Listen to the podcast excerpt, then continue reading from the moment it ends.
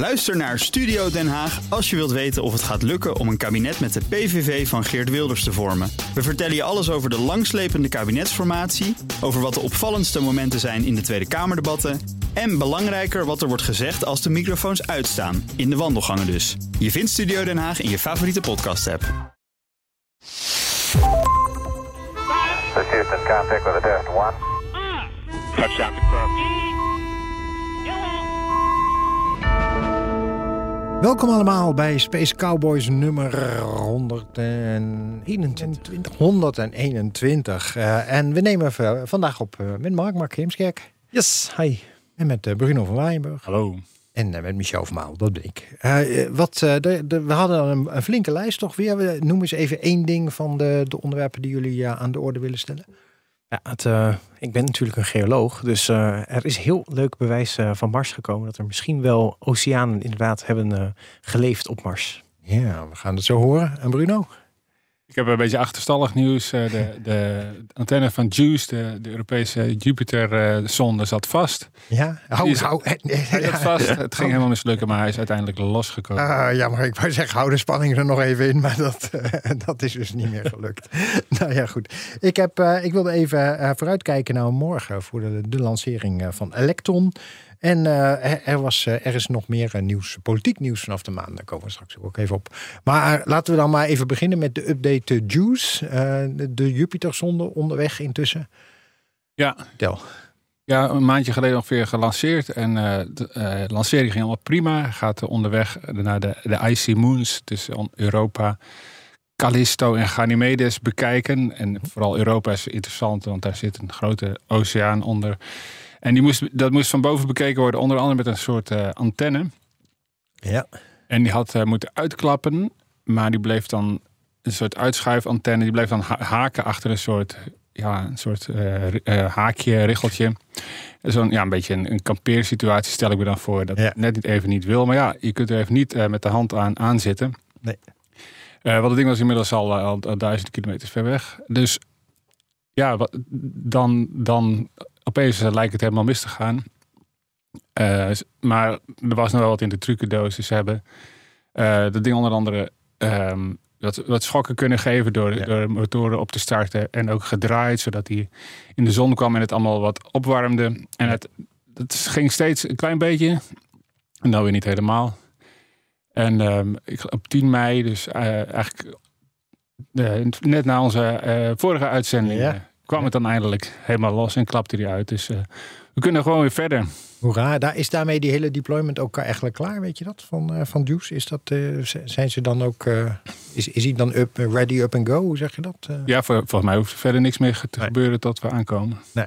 Blijf toch altijd wel opmerkelijk vinden dat je ook, uh, ja, het is ook ergens wel begrijpelijk, want je kunt dit natuurlijk ook niet echt testen hè, in, in, de, in, de, in de aardsomstandigheden. Want ja, dan, je zit met die zwaartekracht. Ja. Maar het blijft toch altijd weer opmerkelijk dat dit soort dingen dan soms best lastig zijn. Die klinkt er zo lullig ook. Van, ja, ja, ja. ja terwijl ja. tegelijkertijd, ja, als ruimtevaartingenieur snap ik het wel. Weet je, dat je, dat je dit gewoon, ja, dit in, je kunt het niet echt testen. Weet je, dat. Uh, ja. Overigens krijgen wij op, uh, misschien wel aardig om even alvast aan te kondigen. Op 5 juli hebben we uh, Alessandro Atzai te gast. De, de, even, wat is het? Uh, payload manager uit mijn hoofd van, van Juice. Dus ja, dan kunnen we het hem, dan kunnen we het hem zelf vragen. Weet je, hoe dat, ja. die weet er alles van. dus, maar die is op 5, de uitzending van 5 juli bij ons. Nou, um, Mark. Ja, als je ja. naar Jupiter gaat, dan kom je langs Mars. Uh, ik maak ja, een bruggetje. Is, uh, inderdaad, volgens mij ook uh, ja. hoe, hoe Juice naar Jupiter wilde gaan. Hm. Volgens mij via Venus, Aarde en, en Mars onder andere met gravity assists. Maar goed, op, op Mars hebben wij ook een rovertje rondrijden op dit moment. of eigenlijk een stuk of wat zelfs. Maar in dit geval gaat het om het Chinese rovertje, de Zhurong rover. Die zit een beetje meer op het noorden van Mars. En uh, voor wie een beetje bekend is met de topografie van Mars, de, het zuidelijk halfrond eigenlijk van Mars is doorgaans wat hoger. Daar hebben we meer bergen, daar hebben we ook die hele grote canyon uh, in zitten. En de noordkant van Mars die is eigenlijk ja, iets lager. En daarvan is al jarenlang is daar gedacht dat we daar oceanen hebben gehad. Of in ieder geval grote plassen met water. Um, maar nu is dus eigenlijk uh, voor het eerst, uh, toevallig ongeveer twee weken geleden dan uh, gepubliceerd. Ehm, dus in situ bewijs gevonden dat er hoogstwaarschijnlijk toch echt oceanen waren en niet alleen stroompjes van water. Dus eh, eerder hebben we natuurlijk al ja, bewijs gehad dat er ooit vloeibaar water is geweest. eh, wat we dan eh, onder andere stroomribbels noemen. Ehm, en dat zijn dus eigenlijk ja, een soort van duintjes eh, die je ziet onder water. eh, die je misschien ook wel eens hebt gezien op het moment dat je in een rivier kijkt. En dat je van die eh, ja, soort ribbeltjes hebt. Op het strand heb je ook. Ja, bij, bij de branding. ribbeltjes. Precies, maar eh, op het strand eh, gaan ze eigenlijk beide kanten op. Dus op het moment dat je een stroomribbel hebt, dan gaan ze eigenlijk maar één kant op. En dan geven ze dus een stroomrichting aan. Eh, en dus je hebt ook iets wat we dan golfribbels noemen. Ja, geologen Ja. zijn heel Ja, erg, eh, erg raar met hun namen af en toe. Eh, maar dus deze golfribbels die geven dus aan dat er eigenlijk beide kanten op eh, een, een richting is geweest.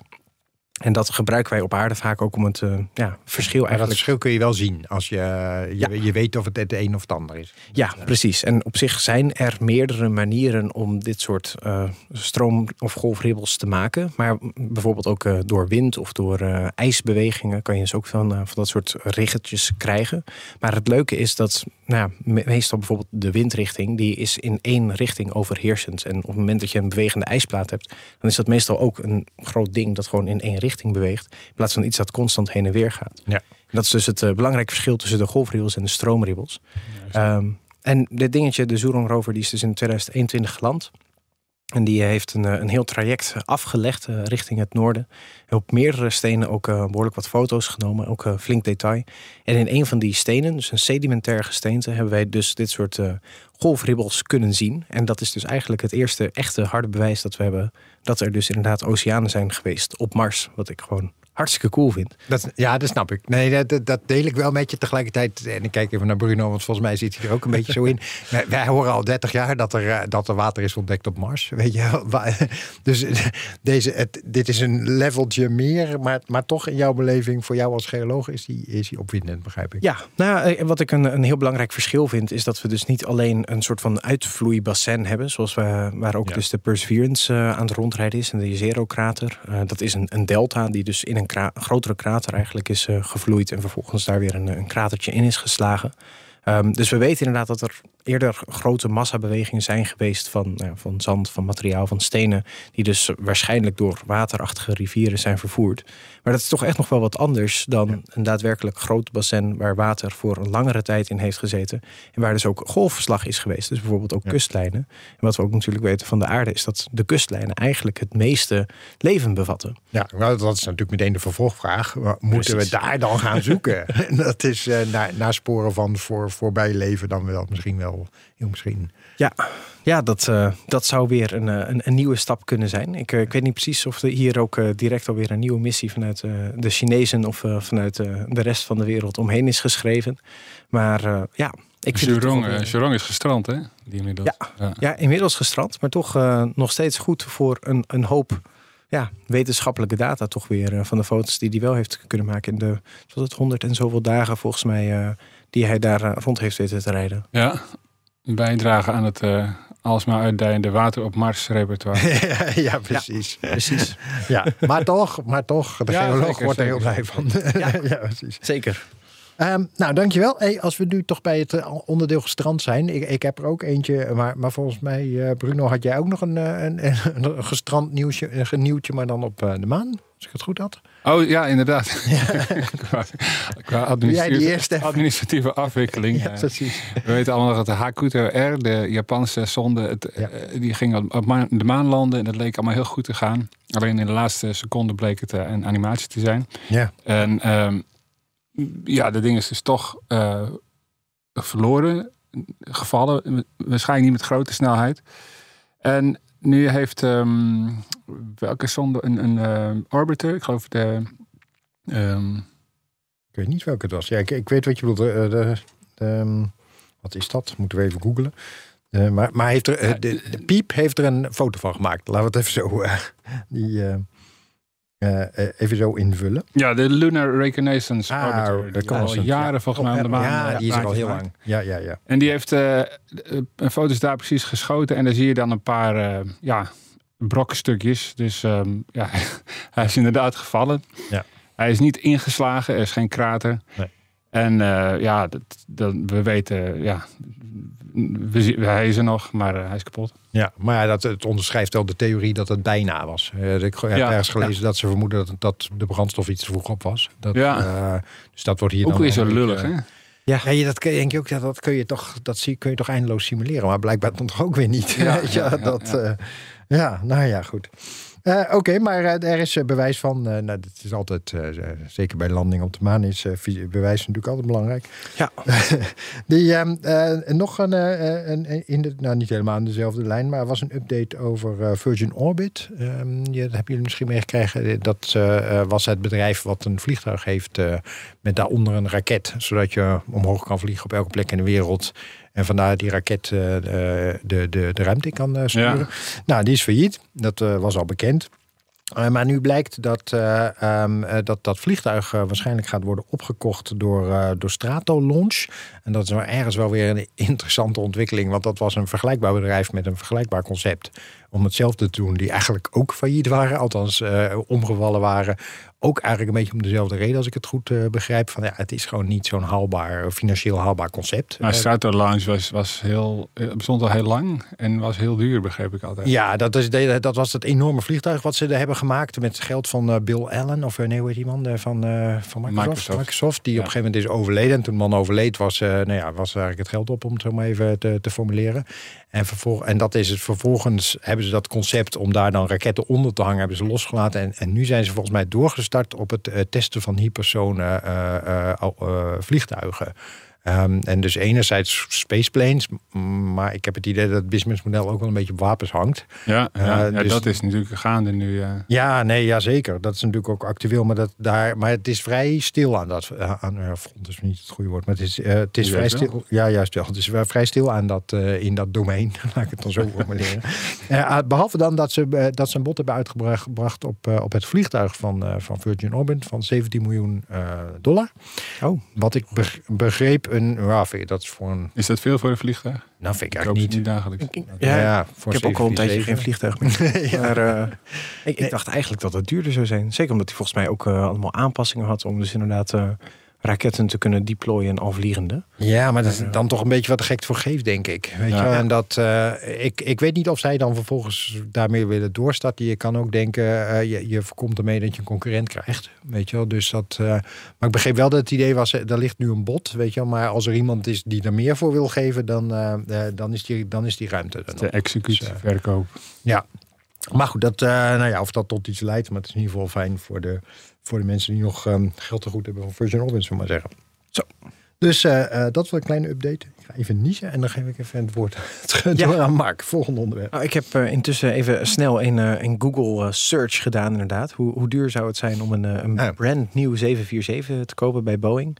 Dan noemen ze inderdaad prijzen in de richting van 400 miljoen. Ik wou zeggen. Ehm, ja, dat dus ja, inderdaad. ja.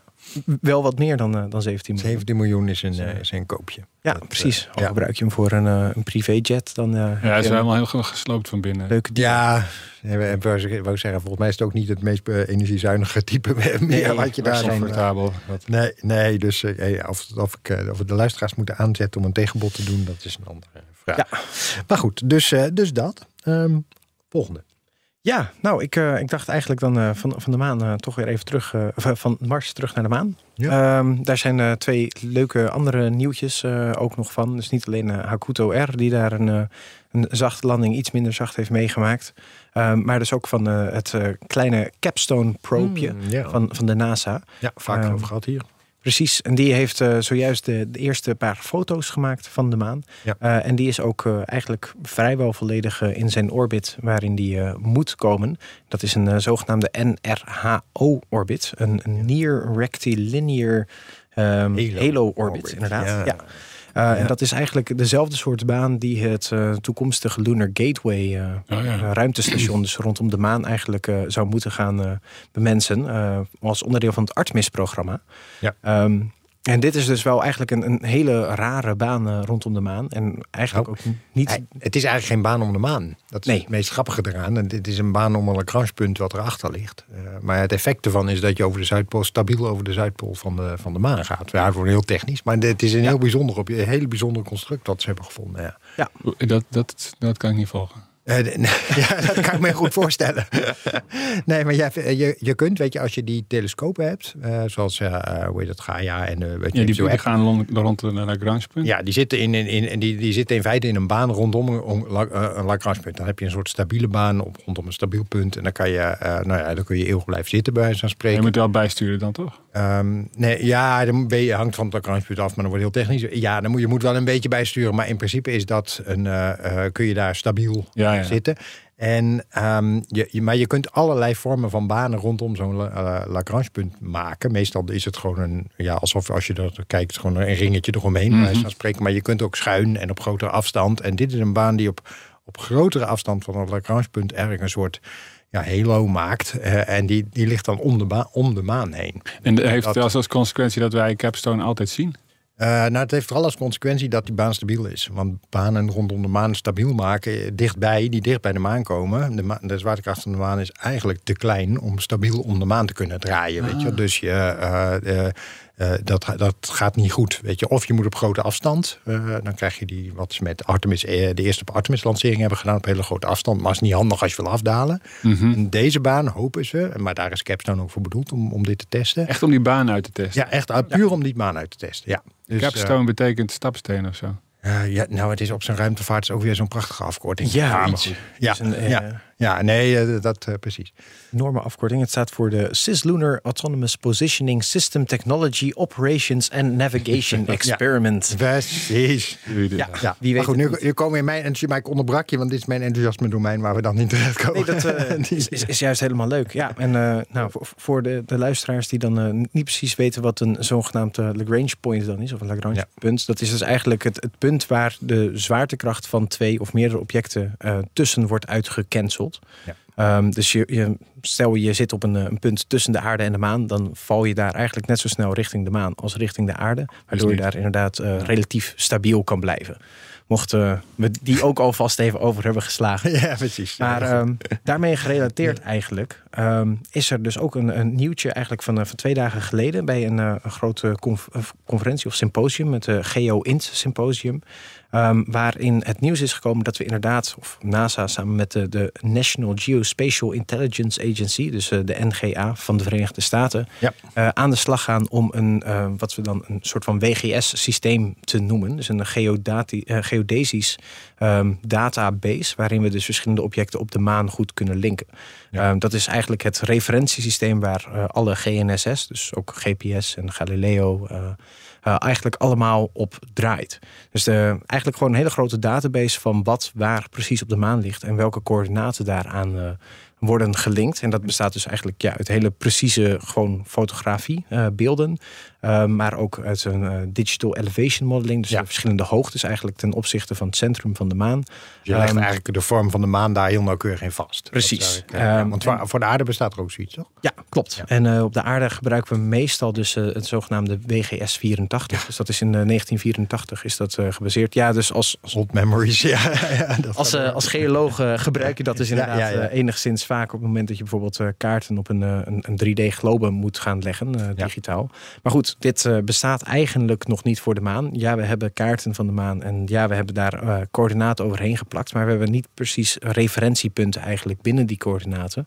Ehm, en ja, natuurlijk, de, de maan beweegt iets minder. Kijk, op aarde hebben we ook nog van die aardplaten die af en toe Ja. bewegen. Waardoor we af en toe inderdaad onze GPS-locatie, bijvoorbeeld, eh, hebben we dat een paar jaar geleden voor eh, heel Australië gedaan. Dat Australië zo ver was opgeschoven ten opzichte van 1984. Dat, we inderdaad. Dat het eh, echt niet meer kon. ja, nou, dat, dat kwam uiteindelijk wel neer. Vandaar op, dat ze meedoen aan het Eurosong Festival. Precies, ze zijn gewoon een hele meter opgeschoven. En dat, eh, nee, maar dit is dus eigenlijk wel, wel heel erg cool nieuws. Eh, en daarin zijn ze nu dus ook eh, langzaam aan gaan, eh, gaan spreken met onder andere ESA, Israël en JAXA. Om Ja. dus te kijken of wij eh, samen kunnen werken Ja, ja, ja, als, ja. als wereld. Om dan eigenlijk ook een soort van ja, wereldreferentiesysteem voor de maan kunnen gaan Ja. eh, bedenken. Wel handig als je, als je allemaal hetzelfde systeem gebruikt, zeg maar. En Ja. deze- dezelfde maan, eh, om het zo even te noemen. Ja. precies. En dat je ook eh, daarmee dus over dezelfde kraters en dezelfde eh, gravitatie-anomalieën en weet ik veel wat eh, kan spreken op de maan. En dat, eh, ja, Dus dat is wel cool, zeker voor, eh, voor rare orbits zoals de NRHO van, eh, Ja. van nu Capstone en dan de, de Lunar Gateway in de nabije toekomst hopelijk. Ja, zeker als je ook allemaal samen, samen wil gaan werken in, eh, in, in dit soort, in, in- met landers en al dat soort dingen. Doen China en Rusland nog mee? Of eh, gaan die hun eigen... eh, Eh, heb ik niks over gelezen. Ehm, volgens mij was Rusland in ieder geval niet, niet welkom op het GEO in 2023 symposium. Maar dat eh, schijnt wel op meerdere wetenschappelijke conferenties zo te zijn. Ja. Sinds eh, nou, bijna anderhalf jaar al.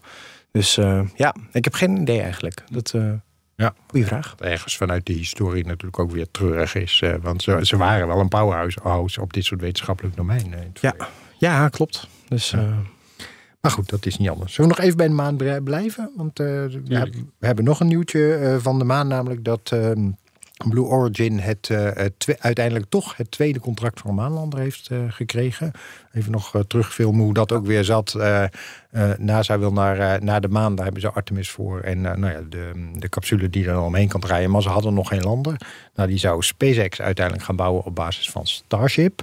Nou, ik moet, het nog zien, moet nog zien hoe dat gaat, hoe dat gaat gaan trouwens. Maar goed, dat even terzijde. Maar dat, eh, dat geldt natuurlijk voor al dit soort dingen. Alleen, nou ja, er was, en toen was het even plat gezegd het geld op. Maar het werd wel gezegd van ja, dat is wel link om één partij te hebben die dat doet. Want als het niet lukt, ja, dan loop je meteen vast. En het is gebruikt meestal om twee competitieve partijen Ja. tegelijkertijd te laten eh, werken. Dat... eh, dus nu, daar was een heleboel gedoe op. Op een gegeven moment heeft Bezos ook een, een proces gevoerd tegen NASA.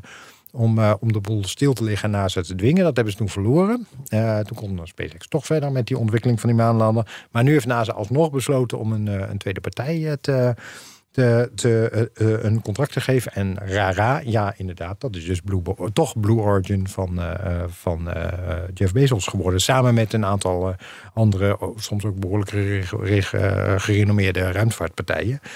Ehm, eh, dus die mag een tweede lander ontwikkelen, waarbij ik conceptueel eigenlijk wel het gevoel heb van nou, dat ziet er wel een beetje, een beetje eh, hoe zeg je dat, geloofwaardiger uit. Want ze hebben wel echt het idee dat ze een soort platform hebben waar je verschillende dingen op kan zetten. Dus je kunt het gebruiken om, om cargo module erbovenop of een bemande module erbovenop. Weet je. Dus het is wat modulairder.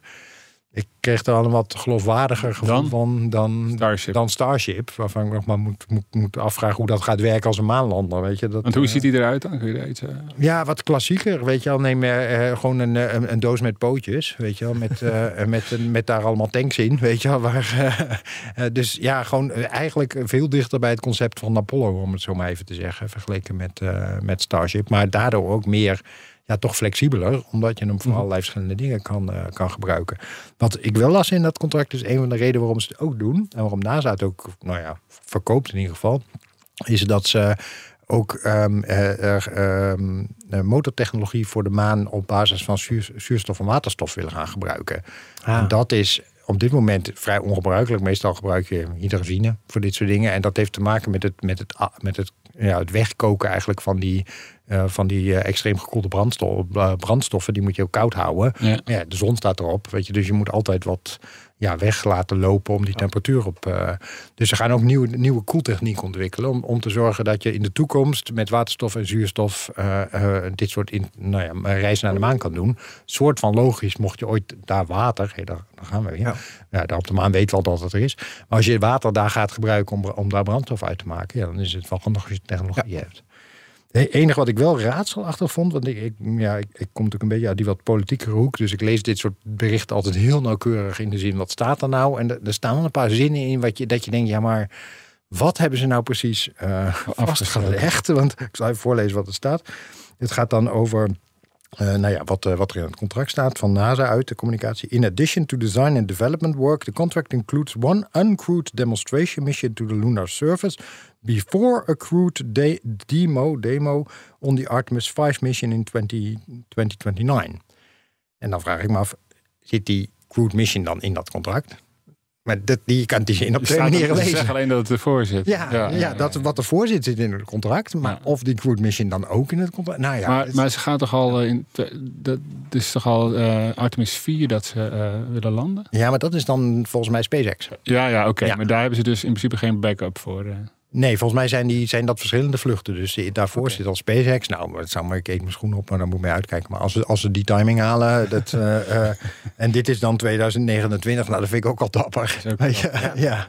Maar dit, ik moet wel zeggen, als ik het contact, het, de, de plaatjes zag, dan denk ik, ja, deze aanpak is wel, ja, volgens mij rela- relatief eenvoudiger om te realiseren. Weet je, op eh, basis van bestaande technologie. Dus Ja. ik ben benieuwd. Maar tegelijkertijd hebben ze volgens mij nog minder tests gedaan. Kijk, eh, het Ja. Starship gebeuren van, eh, van Musk, die, die Ja. blaast dan wel de hele lanceerplatform op. Maar die heeft Ja. nu wel in ieder geval een ja, semi-succesvolle test, afhankelijk van, eh, van wie je het vraagt, eh, Ja.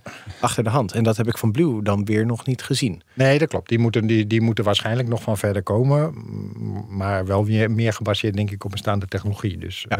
eh, ze En- gaan anders ook al jaren met die, eh, die gewone launcher, toch? ja, ja, nee, dat is het andere. Want hij is volgens mij op de, de New Glenn. eh, de New Glenn. Die, al, die, al die raketnamen van hun altijd een beetje ingewikkeld. Maar volgens mij is, moet, die, moet die op die raket die ook nog niet bestaat. Hè? Dus dat, dat, dat Ah, is nog één grote bak onzekerheden die daar, Ja, nog, ja. eh, die daar nog in zitten. Maar goed, je kan beter twee lijnen hebben en onzekerheden dan één. Ja, Ja, want ja. ja, we hebben inderdaad een test van eh Starship, Starship en Booster gezien.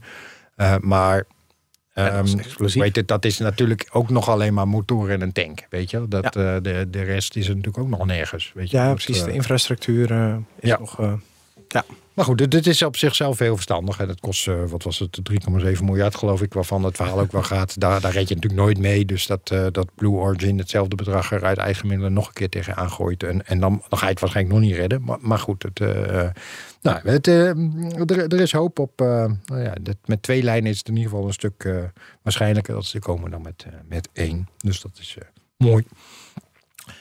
Ja. Bruno, Bruno. Ja, nou, aanhakend op Starship. Ja. Ehm, ik zag... ehm, die, die lancering was inderdaad van, afhankelijk van wie het vraagt een groot succes of een enorme puinhoop. Ja. Eh, of misschien allebei. Ja. Wat ik wel zag is, eh dat SpaceX deelde een filmpje waarin ze zo'n raketmotor, zo'n Raptor laten vuren op een soort metalen plaat die dan met, met water ehm, eh, ja, bespoten wordt. Een enorme ho hoos van water. En dat 15 seconden lang, dus nog een stuk langer dan, dan die betonnen vloer die daar onder die lancering heeft gelegen. Eh, dus ja, ze hebben toen meteen na die lancering al gehad over ja, we hadden een stalen plaat, maar die, ehm, die was nog niet klaar en we hebben het uiteindelijk overgeslagen. Misschien was dat een vergissing, Ja. want het beton vloog eh, eh, 100 meters eh, in het rond. Eh, nou, je kunt zeggen, ehm, weet niet wat de precies de waarde is van één test op één plaat. Maar er wordt in ieder geval iets aan huiswerk gedaan voor een mogelijke volgende lancering. Nou, ik vond het eigenlijk, ik heb het filmpje ook gezien. Ik vond het eigenlijk best wel rete in- in- innovatief wat ze daar wilden. Ik ben heel benieuwd of dat gaat werken. Weet je, want, eh, want op zichzelf water bij lanceringen is, is natuurlijk gewoon maar eigenlijk standaard. Het is heel gek dat, eh, dat SpaceX het niet deed. Maar Ja. meestal doe je dat niet zozeer om de vloer te beschermen, maar. Eh, maar, maar overigens, dan heb je trouwens vaak een flame trench. Wat is de andere? hè? Die, die Ja. grote afvoergoot waar die vlam doorheen moet, die hadden ze ook niet. En Nee, die is er meestal nee, nee. natuurlijk wel. Eh, dus je hebt meestal een flame trench en dan gebruik je water eigenlijk om de akoestische trillingen te dempen. Ja. Weet je, dat is wat, eh, wat. Maar wat ze hier deden, is dat ze volgens mij eh, een ontwerp hebben gemaakt dat ze per motor eh, drie waterstralen, onder, onder extreem hoge druk zijn, zeg maar, drie eh, waterstralen in de richting van die motor spuiten. Dus tegen, tegen de vlam in, om het zo maar te zeggen, om een soort buffer tussen de omgeving en die vlam te creëren. En dat dan 33 keer. Weet je, Ja, dus een ja. enorme veld met allemaal gaten waar dan straks water uit moet komen. Dat dat in feite omhoog spuit. En dan denk ik, nou, ja, dat, ik, vind, ik vind het wel slim bedacht. Ik ben heel benieuwd of dat gaat werken. Maar ik, ik was wel onder de indruk. Ik denk, ja, zo, dat is in theorie moet dat, zou dat moeten kunnen. Het, eh, de vraag is alleen of je, het lang voor, of je lang genoeg vol kan houden. Ja, ja, ja. ja. Oh, Oké, dat heb jij. Want eh, wat ik zag is die, die stralen gingen zeg maar, eh, ongeveer parallel aan de, aan de, de, vuur, de vuurstraal. Ja, en ik, maar ik zag een ontwerp van, eh, van de vloer. Zeg maar, Ja, oké, die zit. heb ik ook gezien. Ja, en daar, zit heel, daar zat er, nou ja, iets van een stuk of honderd gaten in. waarmee je- omgekeerde douchekop was. Ja, waarbij je eigenlijk in drie richtingen zeg maar, een soort waterstraal stuurt om, om eigenlijk een, een soort stoomwolk te genereren om die, eh, die, die vlam heen. Waardoor dat, ja, die hitte van die vlam niet bij die vloer kan komen. Ja, ja. En ja, daar, daar- nou, ja, eerlijk gezegd, briljant bedacht. Weet je, of het gaat werken, ik ben heel benieuwd. Ja, Ja, dat, maar ik vind, ja, het is een heel andere benadering dan gewoon een enorme bak water op die, op die vloer dumpen. Om op die manier eh, ja, de boel te koelen. Of te koelen, dat is niet de bedoeling natuurlijk. Maar om op die manier eh, een soort buffer te maken. Maar ze spuiten er nu eigenlijk heel gericht eh 33 keer eh, rond de motor. ja, ja, ja. Dat is interessant. En als ze dat 15 seconden met één kunnen volhouden, ja, dan, ben ik heel benieuwd of dat gaat werken. En het voordeel is ook, je, je kunt het vrij snel doen en je, en je hoeft nog steeds die, ja, die flame trench, wat redelijk dramatisch is als je dat moet doen qua tijd en vergunning en al. al Ja, dat is echt en, een civiel project. eh. ja, dan, eh, dat, als, je, als je dat allemaal kunt voorkomen, ja, dan hebben ze het probleem goed opgelost. Ik ben heel, ik ben heel benieuwd of dat eh, gaat werken. Ja. Ja. En een andere test ook in een, in een, in een YouTube-film van Marcus House zag ik dat ze. Er zijn dus mensen die de hele tijd dat terrein Ja. filmen. Hè? In, Ja, in, in, ja. En, en die gaan dan ook een soort. Roelsen exeg- van deze wereld. ja, precies. Ja, maar ja, niet een paar weekjes. Ja. En, en dan ook een soort exegese doen van ja, ik denk dat dit die tank Ja. is. En dat, want want eh, eh, enige uitleg komt er alleen in een horten en stoten van Elon zelf. Als het hem uitkomt. En dan hadden ze dus een, een tank, helemaal vol, een oude tank vol met water. Oké. En, en net zo lang de druk opvoeren tot die ehm kanaal. Tenminste, dat dachten ze. Ja. Maar toen ze de opname verder bekeken, zagen hé, hey, er is een explosie. En toen was het idee van, hé, hey, ze proberen die, ehm, dat eh, flight termination system, wat, wat bij die eh, testvlucht dus, dus wel, wel afging, maar de raket niet opblies. Ja. Dat, dat zijn ze nu eh, ja, ook, ook aan het Oh. testen. Oké. Want het is best vervelend als je je tank opblaast en, en de raket blijft gewoon nog 40 seconden heel. eh. Ja. Nu had hij genoeg hoogte om eh, alsnog Ja, ja. te exploderen, maar eigenlijk wil je graag dat het eh, meteen werkt. Ja, dan heb, Dus, je hem, ook- ehm, dan heb je hem ook te stevig gemaakt, denk ik. Maar goed, dat... Is stevig, ja, of, of ook, ook in die tanks, die krijgt ook stevigheid door de druk die er nog in zit. Ja, ja, ja. Dus ja, dus nou ja, meer huiswerk eh, Ja. er gedaan in Boca Chica. Nou, dit is wel op- opmerkelijk hoe, hoe hard er wordt gewerkt momenteel. Dus Ja. zijn echt wel van plan om... eh, want wij hebben natuurlijk een periode gehad van een paar jaar... dat we eigenlijk het idee hadden van er gebeurt daar niet zoveel. Maar dat, eh, die, dat, het is, ze liggen, schijnt niet bij de pakken neer aan het zetten. Als je het nee. zo ziet. Dan gaaf. Nou, we zullen het eh, nauwkeurig volgen, zullen we zo maar zeggen. Mark? Ja, nou ja, over, eh, over lanceringen gesproken. Ja, gisteren- dat is altijd Ja. makkelijk bruggetje hier. Precies. Nee, eh, gisteren heeft eh, de Spaceport Company bekendgemaakt dat zij een dagje eerder, dus eh, 22 mei, hebben zij vier raketten gelanceerd van hun eigen het drijvende platform eigenlijk, eh, ergens eh, in de Golf van Mexico. Ja. Ehm, en dat waren hun eerste vier eh, direct ook offshore launches, die zij dus succesvol hebben uitgebracht. En dat waren dan kleine raketten, eigenlijk van in Evolution Space. Ehm, maar wat ik dan wel weer apart vond, dat het er eh, niet alleen vier waren eigenlijk in één keer. Ehm, maar dat het ook eigenlijk al zo hard gaat. Dat we dus Ja. inderdaad alweer eh vier raketten eh, kunnen worden gelanceerd. Ja, verder Het waren we ik- allemaal volgens mij sondeerraketten. Dus niet, naar, niet, naar, niet naar een baan. Nee, niet naar een baan. Nee. Dus de, de hoogste lancering ooit eigenlijk van Evolution Space... die is dan tot iets van 124,5 kilometer gekomen. Dus ze, ze komen wel over de Karman-lijn heen. Dus Ja. Mocht je Dat is, al, dat is al knap. Ja, Ja. dat, eh, ja. Ja, en eh, wa- wat ik dus wel heel cool vind eigenlijk, want ik had zelf dus nog niet eerder gehoord van deze de Spaceport Company. Eh. Dus ik heb daarna ook een beetje opgezocht van wa- wat doen ze nou? Het is echt een behoorlijk jong bedrijf. Die dus ja, eigenlijk precies doen wat de naam al zegt. Zij bouwen dus kleine spaceports. en zijn dus ook heel erg aan het pushen. Ook om juist meer spaceports eigenlijk op, op zee te gaan bouwen. Eh, met als voordeel natuurlijk dat je daar eigenlijk met eh, een boot vanuit ieder land naartoe kan varen. En daar eh, als lanceerplatform kan Ja. gebruiken. En mocht het misgaan, à la SpaceX. Ja. Dat je iets minder last hebt. Dat je een, een stadje een paar kilometer verderop met een hele stofstorm bezadelt. Maar dat je eigenlijk gewoon ja, midden op de oceaan zit. Dus dat je veel minder omgevingsproblemen hebt. Ja. Dus dat ja, vond ik eigenlijk wel een, een heel cool nieuwtje. Ja, ik heb er verder dus eigenlijk ook niet heel erg veel over te zeggen. Er is Maar niet, is het eh, doel wel om, eh, om uiteindelijk wel een orbitale raket eh, te ontwikkelen? Ja.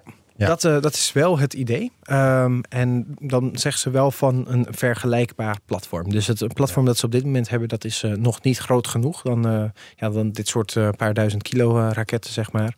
Mhm. Ehm, maar in de toekomst willen zij dus inderdaad ook gaan opschalen. En eh, misschien dus wel ook een, eh, een competitor gaan worden voor, eh, voor de Kennedy Space bijvoorbeeld.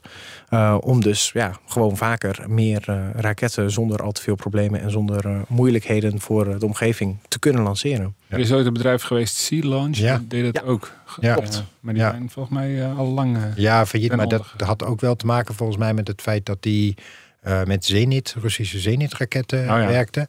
En dat, die, eh, dat dat op een gegeven moment natuurlijk ook niet meer ging. En nou ja, dat, dat was ook allemaal gedoe mee. Dus voor mij had het ook wel te maken met het feit dat die internationale samenwerking gewoon niet, niet lekker liep. Weet je? Ah, oké. Dus, eh, ehm, En ik weet ik meen me te herinneren dat ook SpaceX op een gegeven moment van plan was om twee Klopt. van die. eh, Ja, dat die, heeft er, ook, eh, ehm, er twee van die oil rigs gekocht. Dus eh, boorplatforms eigenlijk. Dus dat Ja. is ook wat, wat Sea Launch inderdaad deed met die eh, Zenit eh, raketten. Die hadden dus eigenlijk een, een olieplatform, een oil rig. een, een drijvend, dat wel. Ja. Ehm, hebben zij dus helemaal aangepast.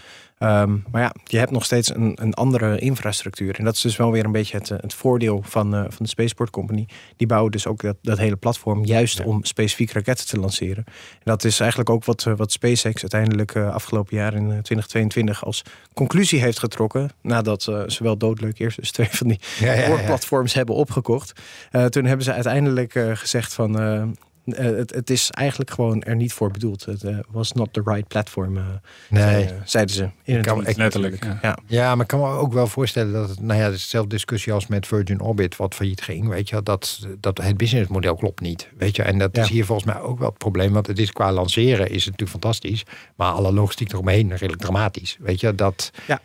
En of je dat dan. Hoe bedoel je, Michel? Nou, het is lastig om er te komen. Weet je, je De de, boot. met de, nou ja, met de boot, weet je, maar het is een vrij duur proces, weet je, om, om eh, terwijl als je een, ergens op een Ja. vaste land een lanceerbasis hebt, is, het, Mhm. is vermoed ik, weet je, het logistieke proces gewoon veel eenvoudiger. Ja. Dus als je, Het is wel makkelijker bouwen natuurlijk. Want ja, Ja. meestal wordt de raket natuurlijk ook vlak bij het Ja. lanceerplatform eigenlijk eh, gebouwd of afgemaakt in ieder geval. En voordat hij dan omhoog Ja. gaat. En dat kan inderdaad wel lastiger zijn als je al op zee zit. Ja. Ehm, maar ja, Aan de andere kant kan het wel weer makkelijker zijn om daar die zones eh, vrij te krijgen op een stuk. eh, Ja, ja, dat is waar. Nee, dat klopt. is. Alleen, ja, maar je zag het bij, bij Virgin Orbit ook. Weet je, niks mis met het idee om onder een vliegtuig, weet je. Maar Ze hadden het ook al een paar keer gedaan. ze hadden het ook al gedaan. Maar, maar het grootste probleem van Virgin Orbit was dat het businessmodel niet te doen was. Weet je, ze, ze kregen dat niet eh, Vaak, vaak genoeg. eh. vaak genoeg voor, voor laag genoeg kosten om te kunnen concurreren met, eh, met de elektrons. Daar komen we zo nog even van deze wereld. Ja. Weet je die, die dat gewoon vanaf de grond eh, op de klassieke manier kunnen doen. En ja, dat is uiteindelijk toch goedkoper. Weet je, en ik, ik vraag me een beetje af of, of je hier ook niet gewoon een onnodige kostenpost aan het inbouwen bent die je niet kan terugverdienen. Maar dat, je, dat je is hoeft geen ja. flame trench te graven. Nee, dat is het grote voordeel. Maar ja, zie je, je kunt zo'n Starship met zo'n boezel er ook niet op zetten. Dat kan tot gewoon om. Ja, dat is van, in principe voor kleinere raketten. Ja, het is wel echt. Ja, Ja, maar de er uiteindelijk wel in ieder geval nog, eh, nog orbitale vluchten. Maar ja, wat vergelijkbaar eigenlijk, denk ik dan, is dus de, de S-range lanceerbasis die wij nu als eh, Europa op eh, ons eh, vasteland hebben gebouwd. eh, Ja. Bij Kiruna, in het noorden van Zweden.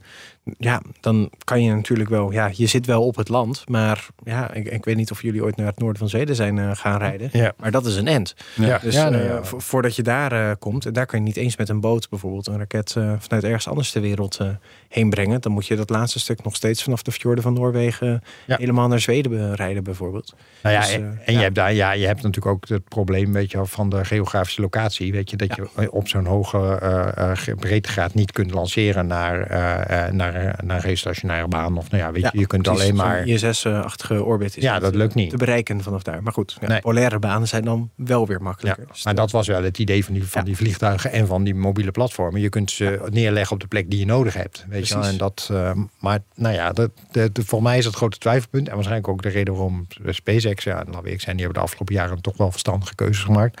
Eh, althans, maar ja, kun je over discussiëren. maar dat, Ook, Nee. ook verstandig. Nou, als die zeggen, weet je, dit. eh, En volgens mij was dat ook een, een bedrijfseconomisch argument. Hè, weet je wel, dit is Ja. gewoon niet de goede aanpak. Ja, dan, eh, eh, dan heb, zou ik ook reden zien om te twijfelen. dat, Ja. Maar het is ook Ja. een beetje de du laat duizend bloemen bloeien tijd. eh, Ja. in Die kleine launches. Ja, ja gekkigheid, zeg maar. ja, precies. Ja, Ja. oké. Goed. Eh, genoeg hierover? Ja, maar Ja. ik ben nu inderdaad wel benieuwd naar eh, de raketten waar jij het net over had. Nou ja, ik, eh, ik wilde het even hebben over, over eh, Electron eh, eh, van Rocket Lab. Die, die gaat morgen namelijk lanceren. En ehm, het leuke daarvan, eh A, vind ik, er zijn een aantal dingen leuk aan. Eh, ook de, de, de satellieten die erin zitten zijn best leuk. Maar wat ik, wat ik al wel charmant vind, is dat ze hier ook afgestapt zijn van die stomme afkortingen. Weet je, wel. dus eh, er zitten NASA-satellieten in en die heten Tropics. En ja, dat is gewoon een stomme afkorting. Alleen die, die missies van Electron. En Electron is een, een mi- middelgrote, intussen behoorlijk succesvolle raket Ja. in Nieuw-Zeeland. Ze hebben ze een keer of mee 36 eh, lanceringen. Hij gaat heel goed. Maar die. Die heet, eh, wat heet deze weer? Eh, Coming to a Storm Near You heet de lancering. Weet je, en dat, eh, Dus, Dus- daar, die, die plat, platforms van, van SpaceX, die hebben toch ook van die Ja, bizarre namen? ja, nee, precies. Ja, en Electron doet dat ook eigenlijk best wel leuk. Van Missing Fingers was op een gegeven moment een lancering. Ik had geen idee waarom die zo heet. Nou, in dit geval Ik Een beetje mafioos. Ja, ja, precies. Nou, in dit geval snap ik de naam wel, want de, de satellieten die die lanceert zijn twee CubeSats, relatief kleine satellieten. Maar die zijn bedoeld voor onderzoek naar, eh, naar ontwikkeling van tropische stormen. Van NASA. Eh, en die hebben. het idee is, ze wilden eigenlijk zes eh, satellieten, kleine satellieten, in, in, eh, in nou ja, eigenlijk in een vrij. Hoe zeg je dat? Re- Redelijke baan, equatoriale baan zetten. Dus Mhm. in 30 graden inclinatie, zoiets dergelijks. En het grote probleem wat ze daarmee hadden, meestal bij CubeSats, weet je, die stuur je gewoon mee met, met een ri- rideshare van een andere lancering. Maar er wil niemand naar 30 graden. Weet je, dus er, er zijn geen lanceringen waar je op mee kan. Dus ze, hadden, eh, nou, ze moesten die zes dingen lanceren. En dat, het idee is dan dat omdat je er zes hebt, dat je heel goed kunt volgen hoe tropische stormen zich ontwikkelen. Weet je? Dus je hebt eigenlijk om, Je komt om een paar uur langs. om de paar uur kun je Je- kijken naar temperatuurontwikkeling, naar, naar eh, ontwikkeling van vochtigheid. Het zijn Mhm. micro, microgolf-satellieten, zeg maar. Dus die kijken naar temperatuur, naar, naar nou ja, neerslag. Weet je. Dus je kunt heel goed volgen wat er precies met zo'n storm gebeurt. Zodat je kunt waarschuwen van, hij gaat van, let op, hij gaat van categorie 4 naar categorie 5. En dat schijn je dus met CubeSats, dat zijn van die melkpakken, van eh, dit eh, drie eenheden, zeg maar. Dus een flink melkpak. Schijnt dat dus prima te kunnen doen. Ze hadden bedoeld er zes te lanceren, maar de eerste eh, zat op Astra. Toen de, de, de concurrent eigenlijk ook een soort middelgrote kleine lanceerder. Astra, die, eh, die, nou, die lancering is mislukt. Intussen is dat bedrijf ook redelijk in zwaar weer, want die, daar mislukte het te veel. Dus ze zijn nu overgegaan naar Electron. De, ehm, de lanceerder, het bedrijf wat uit Nieuw-Zeeland Mhm. lanceert. En die eh, gaat, we hebben in 8 mei hebben ze de eerste twee succesvol in de ruimte gebracht. En ze gaan dus morgen, we nemen dit op 24 mei, morgen is de bedoeling dat de volgende twee eh, eh, naar de ruimte gaan. En dan zijn er uiteindelijk dus vier, nou jammer van die eerste twee, maar die zijn verloren gegaan. Maar vier van deze satellieten die, waarmee NASA dan naar tropische stormen gaat kijken. Dus nou, dat is sowieso, weet je wel, dit soort onderwerpen een belangrijk onderzoek. Ik, ik zat ook nog even naar die raket zelf te kijken, want Electron is best behoorlijk succesvol aan de weg gaan timmeren, viel me op. Eh, en dat komt ook wel omdat ze het heel goedkoop aan het maken zijn. Weet je, dus ze zijn heel goed in het, eh, in het gebruik van 3D-printing. Ze kunnen de hele motor eh, 3D-printen. En volgens mij alle onderdelen in 12 uur eh, eh, produceren. Dus ze kunnen heel snel een, eh, zo'n raket in elkaar zetten. Ze zijn ook kijken naar de bereikbaarheid. En, en een van de eh, opmerkelijke, nou ja, meer, meer technische dingen is dat zij voor het eerst in de orbitale raket een eh, elektrische brandstofpomp. Ja, ja. Normaal gesproken in, in zo'n raket heb je enorme turbines, weet je, die, die een deel van de brandstof opstoken om, om onder enorme druk de, de, de rest van de brandstof in de hoofdbrandstofkamer Ja, te, kunnen, eh, te kunnen doen. Maar zij doen dat elektrisch in de batterijen. En dat, eh, Dat kan gewoon.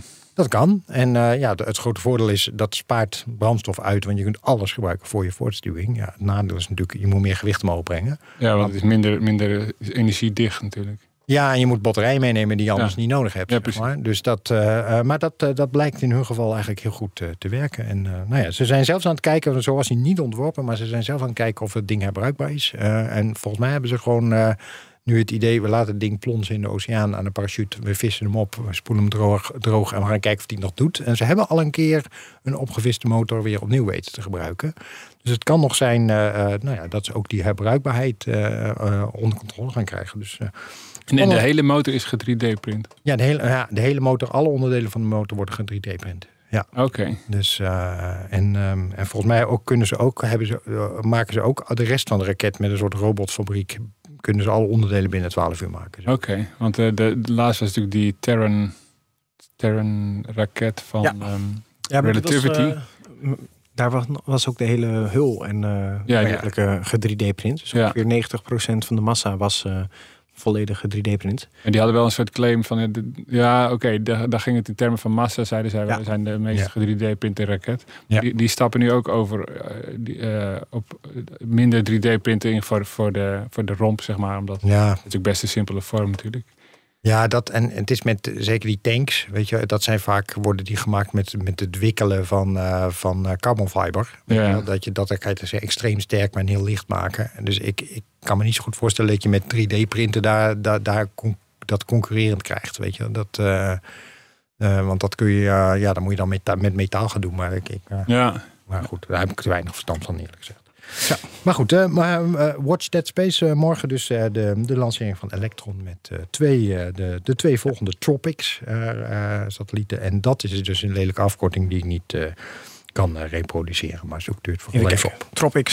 Dat is, Dat is- ja, Als je zo'n hekel aan Time resolved. afkortingen hebt, wat, doe je dan in dit gebied? Ja, ja, nou, lang verhaal. Ja, je weet het, waar staat het voor? Time? Time resolved observations of precis- precipitation structure and storm intensity with a constellation of small sets. En dat op de raket. Coming to a storm near you. Nou, ik, eh, ik, ik Ja, ik zat inderdaad nog vind even het een de- fijne ontwikkeling. door de lijsten van die eh, Electron launches heen te gaan. Dus, Ja. eh, toevallig ook weer even terughakend. eh, Capstone is ook met eh, Electron gelanceerd. Dat eh, wist ik ook nog niet. Maar eh, En hoe heette die raket? Weet je dat ook zo snel? eh, dat staat wel hier ergens. Ja, ik zit nu op een Wikipedia-pagina. Maar eh, overigens, eh, ze hebben dus 36 keer gelanceerd, waarvan 33 keer succesvol. En eh, dus maar drie launch failures, wat eigenlijk Ja. Vrij weinig is, inderdaad.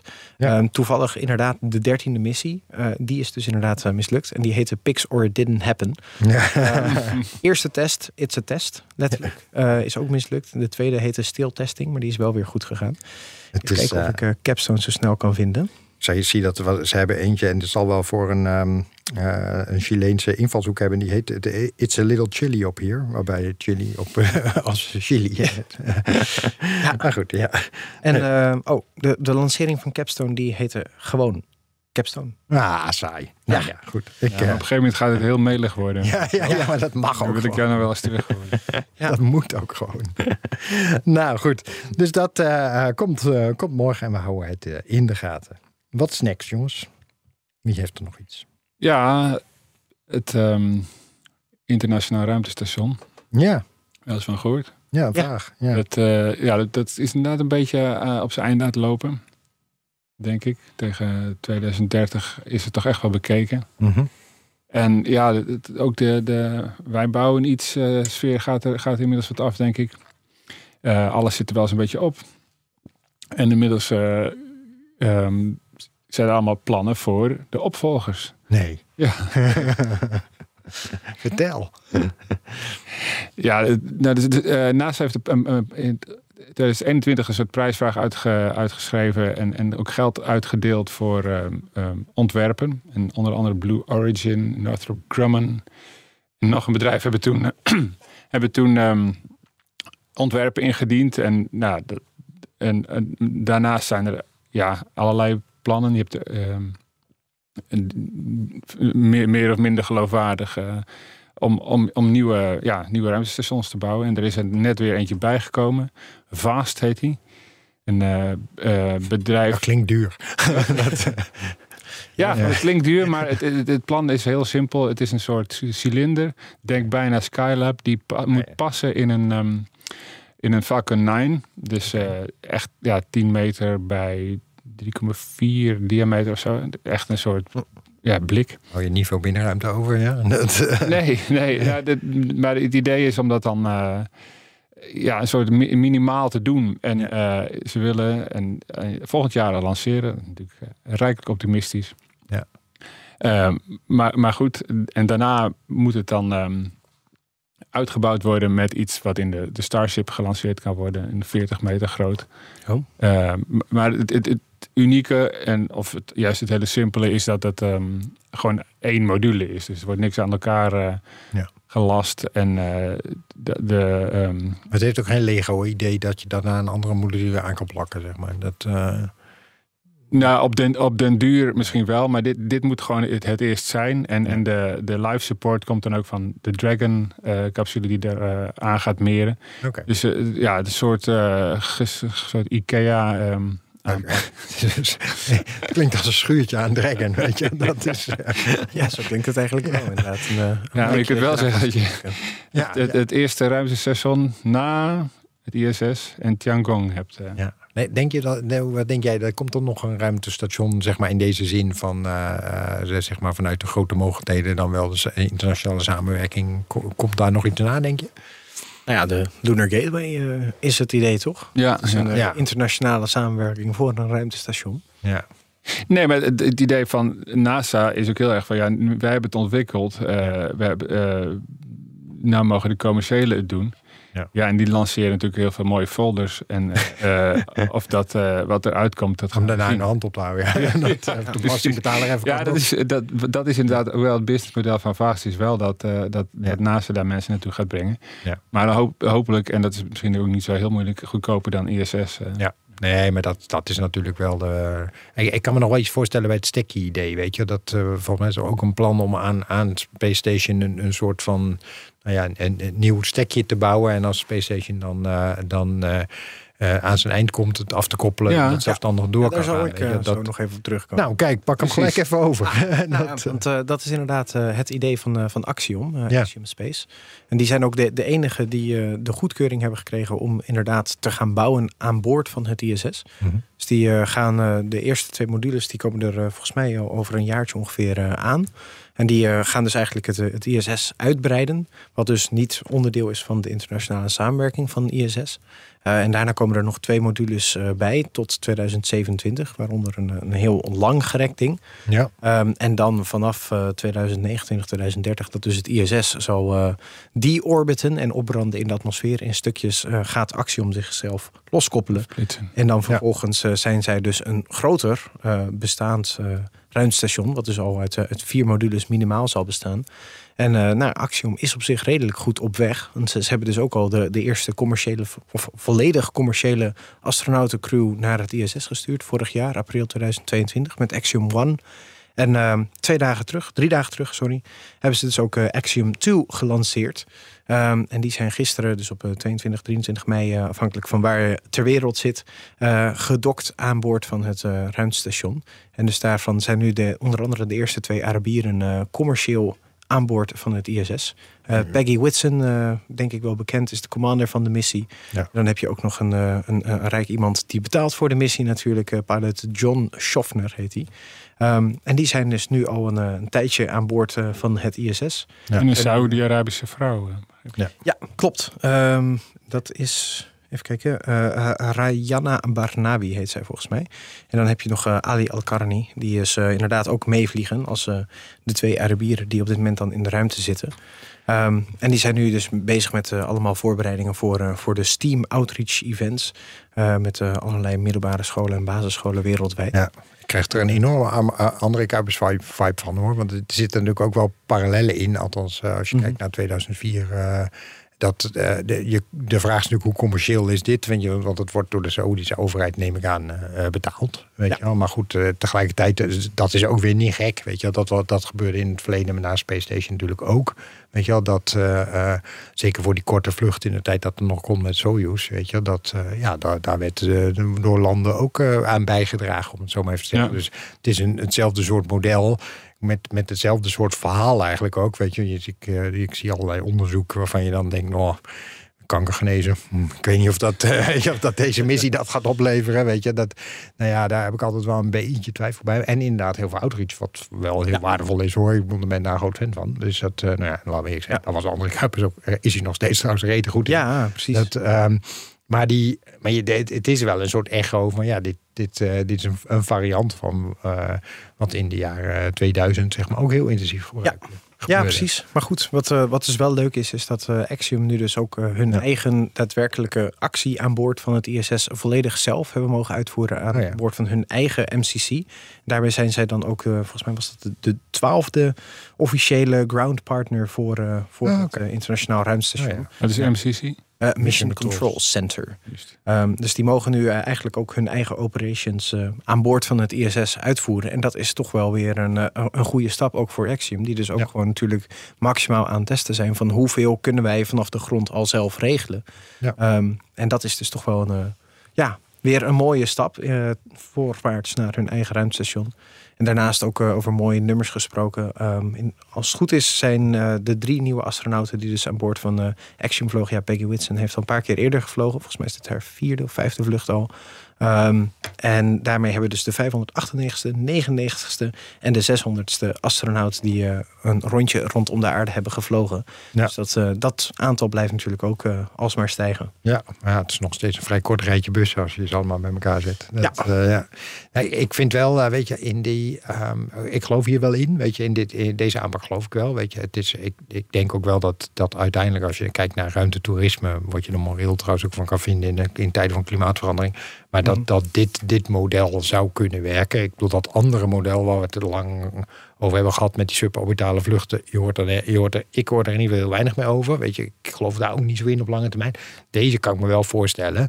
Weet je, het, het zit, maar er zit natuurlijk ook wel een component in. Weet je, dat een groot deel daarvan natuurlijk ook, zoals bij Saudi-Arabië gebruikt, natuurlijk ook wel een, een vorm van zeg maar, landenmarketing is- Oh, ja. element zit erin. Weet je wel, je zet jeze- jezelf als land even op de kaart. Weet je, nou, Ja, is precies. dat verboden? Nee. Weet je, um, het is, is het altijd gemakkelijk? Misschien ook niet. Weet je, dat, ja. ja dat, eh, maar goed, aan de andere kant, ja. Ja, het is wel weer een eh, relatief goedkope manier eigenlijk om toch eh, jezelf als land dan eh, Ja. aan boord van het ISS eh, te krijgen.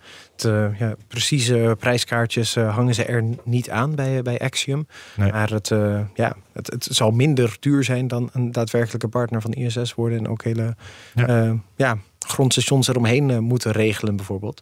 En ook de trainingen zijn een stuk korter van de, de astronauten. Ja, de, Ja. de missies overigens ook. Dus de, ja, de vorige missie die was dan ongeveer Hoe lang twee is weken. deze? Die, eh, Ehm, deze is acht dagen. Ja. Maar goed, de vorige die was ook ongeveer zeven en een halve dag. En die eh, mocht uiteindelijk een week langer blijven bij Axiom One. Ja. Omdat ja, het weer op de landingsplek is eigenlijk niet goed genoeg. Dus dan was het veiliger om in de ruimte te blijven. Ja. Dus ja, met een beetje mazzel hebben deze vier dat eh, misschien ook wel. nou, dat doet me aan denken. Weet je trouwens hoe dat zit met die Soyuz intussen? eh, Bruno, toevallig. Ja, een onvoorbereide vraag, ik weet het. Maar eh, hebben we, is- is die bemanning eigenlijk alweer naar beneden? Want was er al bemanning die langer moest blijven? Dat, eh, Ja, maar we gingen die pas... Ja, die zouden Ja. eerst in september, maar dat is naar voren gehaald. Maar Oké, nou Ik- ja, dat dat moeten hebben we- we niet zo praten. Nou goed, ik- nee. Laat ik dat, eh, la- laten we dat dan even laten rusten. Hebben wij eh, hebben we nog iets anders? Is er, Nou ja, je, je noemde net de suborbitale vluchten, maar Ja. volgens mij stond morgen of ehm, vanaf 25 en mei weer eh, de, de eerste vlucht na twee jaar van Virgin Galactic oh ja, op het eh, programma. En dat, volgens mij nog niet eh, met echte klanten. Dacht nee, dit is dan de laatste testvlucht en Ja. dan in juni zou de eerste eh, zeg maar reguliere vlucht eh, plaats moeten vinden. Ja.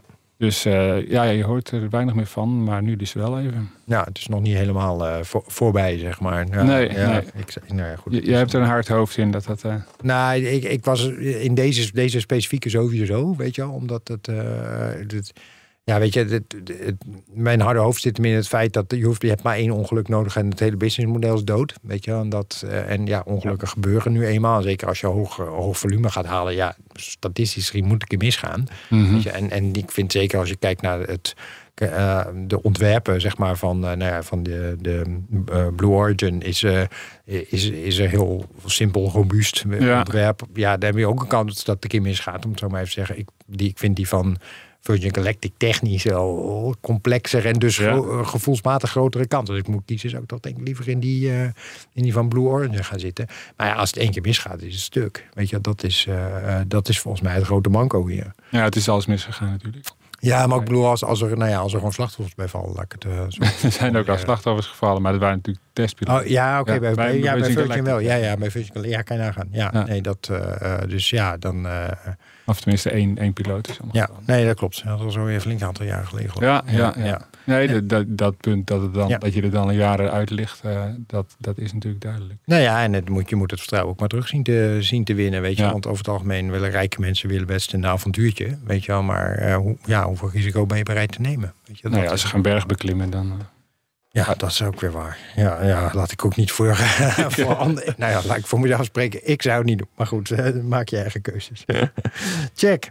Eh, Oké, maar die komt die, nee, ook ergens deze week dus. Hij stond voor, voor, voor 25, maar ja, Ja. dat hoeft natuurlijk niet per se die dan. Nee, dat heeft niet echt een, eh, een window inderdaad. Ja. Oké, hebben we nog wat? Ja, nog een, eh, een ander kort nieuwtje. Eigenlijk ook eh, weer van afgelopen weekend. Het was een, eh, een, een, lekker druk weekend voor de ruimtevaart. Ehm, we hebben namelijk een nieuwe supernova ontdekt. Oeh. Eh, en de dichtstbijzijnde wel die we in ongeveer eh, 12 jaar hebben gezien. Dus de laatste keer dat we er eentje ongeveer zo dichtbij zagen was in 2011 alweer. Ehm, en dus deze staat dan ja, heel erg dichtbij en is dus eigenlijk actief. Dus hij is actief aan het ontploffen, zeg maar. Een, een type 2 supernova, zoals het dan heet. Ehm, maar ja, actief. eh 21 miljoen jaar geleden actief, want hij staat Ja, ik inderdaad, zeggen, hoe actief. 21 eh, miljoen lichtjaar ver weg. Ja. eh, in een ander eh, eh, sterrenstelsel. De windmolensterrenstelsel. Of de Pinwheel Galaxy wordt die ook wel eh, genoemd. Ehm, en het is eigenlijk nog niet helemaal duidelijk hoe fel die nog gaat worden.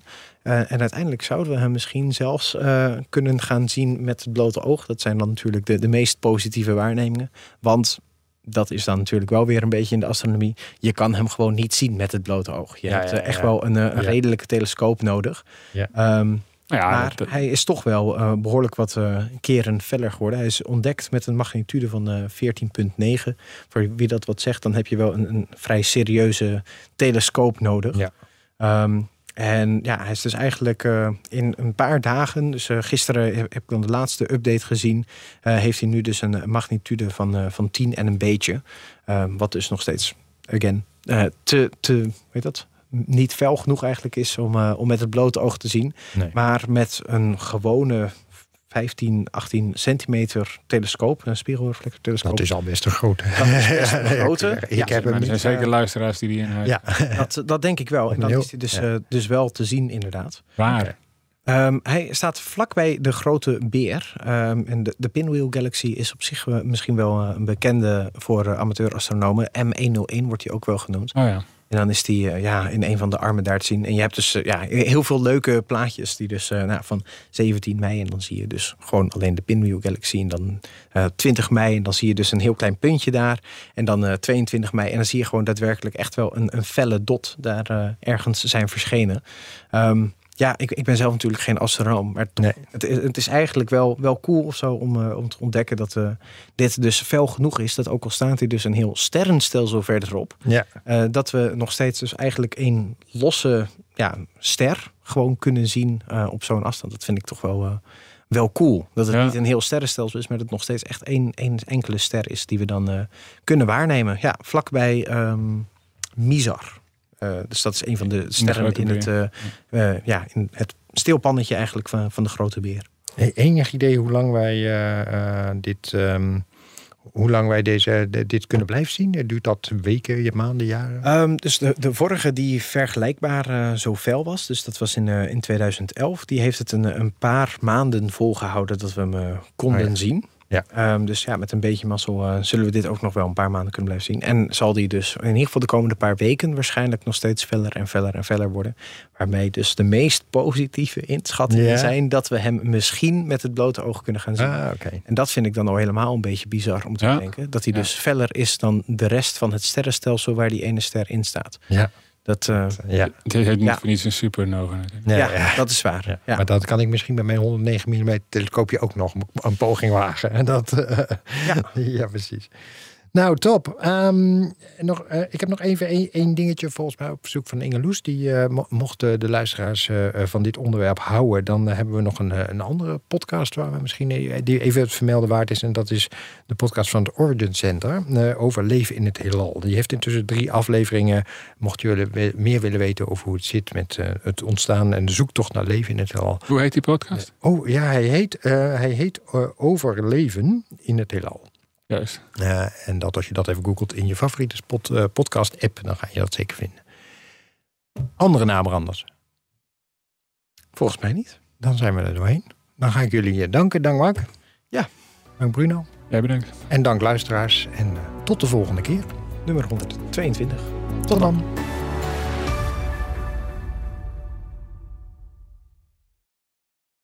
Ook Harm Edens vind je in de BNR-app. Je kunt BNR Duurzaam niet alleen live luisteren in de app, maar ook terugluisteren als podcast, zoals al onze podcasts. En naast dat de BNR-app Breaking News meldt, houden we je ook op de hoogte van het laatste zakelijke nieuws. Download nu de gratis BNR-app en blijf scherp.